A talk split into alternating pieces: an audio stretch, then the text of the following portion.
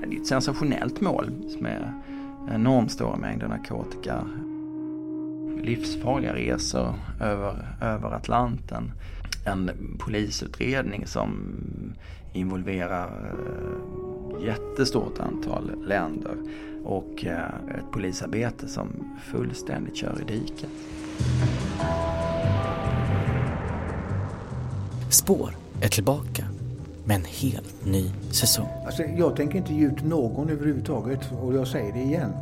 Huvudpersonerna i den här sörjan finns inte med någonstans i några papper på hela vägen.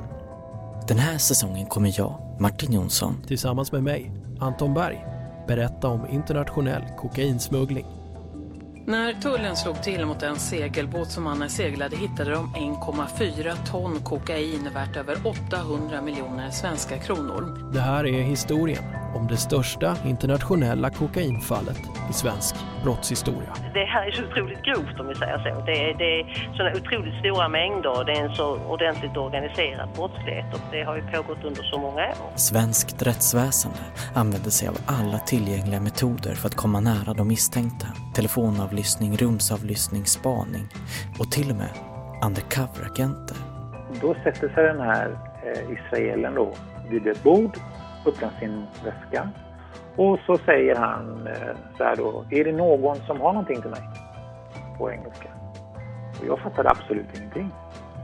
Sverige tar hjälp av flera länder, USA, Spanien, Frankrike, för att komma åt den huvudmisstänkte, Jonas Falk. En känd före detta bankrånare som nu misstänks vara huvudman för kokainsmugglingar som ska ha skett mellan 2006 och 2010. Då hade det kommit in två civila poliser och satt en pistol i huvudet på, på Marcella, den här tjejen, och på min svenska bekant. Jonas Falk grips efter två års spaningsarbete i Colombia. Men det såg inte jag vid det tillfället och sen efter en stund, då förstod jag, när det var en som riktade en pistol mot mig, då förstod jag att, att det var civila poliser där inne också. Och så börjar då Playa-målet. Det som från början verkar bli en fullskalig internationell succé för svenska åklagare alla de åtalade döms till långa fängelsestraff i tingsrätten förändras helt och hållet i hovrätten där nästan alla inblandade plötsligt frias. Däribland den utpekade huvudmannen.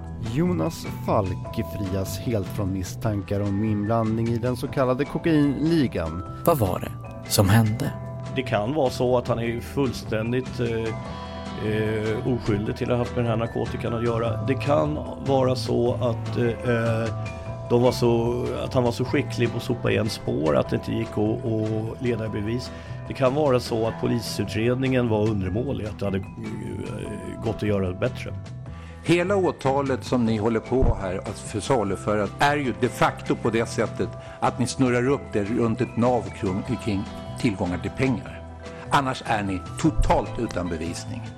Sen att ni sitter så att säga med brallorna neddragna därför att ni inte har någonting annat, det är ju en, det är ju en annan femma. Var åklagaren ute efter fel personer? Eller var bevisningen inte tillräckligt stark? Ja, värderingarna kanske vi kan eh, spara. Ja, vi får väl se vem som har byxorna neddragna till slut. I sex avsnitt kommer Spår djupdyka in i en skuggvärld. Den internationella kokainhandeln mellan Colombia och Europa. Och i Spårs tredje säsong kommer ni få höra människor som aldrig tidigare har pratat om vad de har gjort och varför. Premiär 15 mars. Följ oss på hashtag Operation Playa.